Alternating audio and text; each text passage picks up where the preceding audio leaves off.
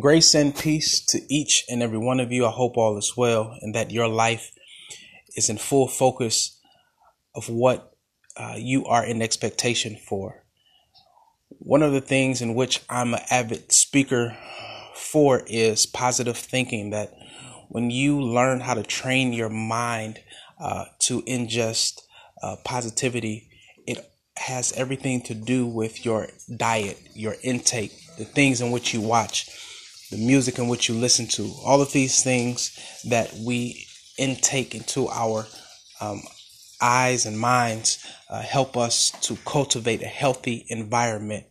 Um, and you can say that on the contrary, that the things in which you watch and listen to can create an unhealthy environment if you're not careful and intentional about the things in which you intake. So um, I just want to get on and just encourage someone. I was in my devotion and I was reading uh, the Bible and read Proverbs chapter 3, which is a book of poetry written by King Solomon. This this great man of God was a king and God asked him, "What do you want?" He didn't take silver and gold like many of us would pursue. He didn't ask God to give him all of the intellect in the world. No, he said, God, give me wisdom. So out of his wisdom, he begins to put pen to paper and he writes Proverbs. It is in the third chapter of Proverbs that you get the scripture Trust in the Lord with all your heart, lean not into your own understanding, acknowledge him in all thy ways, and he will direct your path. Trust in the Lord with all your heart, and lean not into your own understanding. That oftentimes we can find ourselves at a crossroad, being stuck in between two paths. We're trying to figure out which path and which I should take. So you count the cost of each path, you calculate the risk of taking each path, and you're stuck in between this this the two paths, and you say, God, which one do you want me to take? The scripture uh, pretty much gets to that if you learn how to trust in God, God has a way of leading you down the path in which He wants you to go. That oftentimes we can find ourselves in positions and places in life where we get undecisive or we wrestle with which way to go. That life gives us multiple courses and gives us uh, a lot of options and decisions, and that we can get so consumed and distracted that it can get hard to figure out which way to go. But I'm here to tell you and encourage you by way of my relationship with God is that when you learn how to trust God, which means you have to learn how to remove distractions, that in order for you to develop a true, authentic relationship with God, you have to learn how to remove those things, those obstacles, those people that can become a distraction in, as you are in pursuit to your destiny. So what does this mean? Building a intentional relationship with God. You say I pray and it feel like I'm just talking to the wind. No.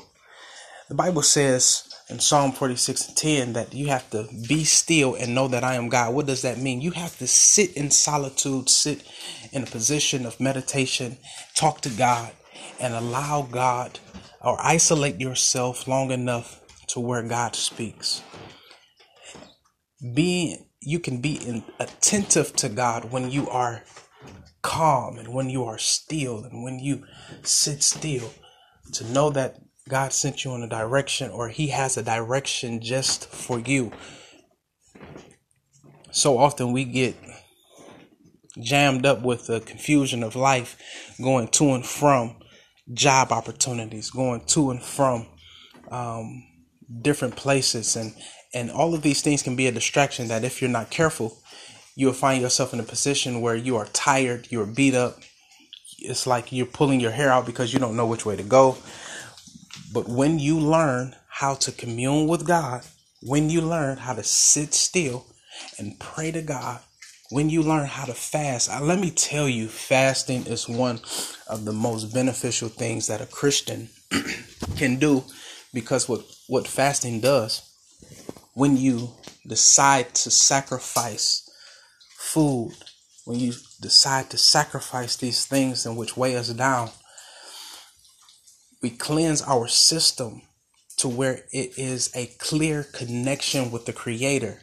Therefore, when God wants something from you or wants to impart a message into you, you're so clean or, or, or so connected to God that it is easy for you to understand what God is saying to you in that moment. That so often uh, we forget to fast or we don't fast that you get weighed down by food, you get weighed down by the stress of life, the commotion of life. Where fasting helps us to connect with God. It's something like I like to describe it as a radio that is foggy. You're in the vicinity of the correct station and you're in the vicinity of the right channel. And as you get closer to the channel, uh, the, the, the, the static begins to clear up fasting, what you're doing is cleansing yourself to the point where you're trying to get on the right frequency that God is on. And when you're on the frequency that God is on, He can clearly communicate to you, all right, man, I want you to go right. Listen, I want you to go here. I want you to talk to this person. I want you to open up your mouth and speak to her over there. Uh, and this is what fasting does. Uh, so many people overlook it, but it's historically proven that fasting is how God communicates to us on so very so on, on many occasions. So it's in those moments, man, when you just don't know which way to go, or you're trying to figure out what's your next move, or what do you want to do next. Fasting helps to align you with the will of God and what God wants for you.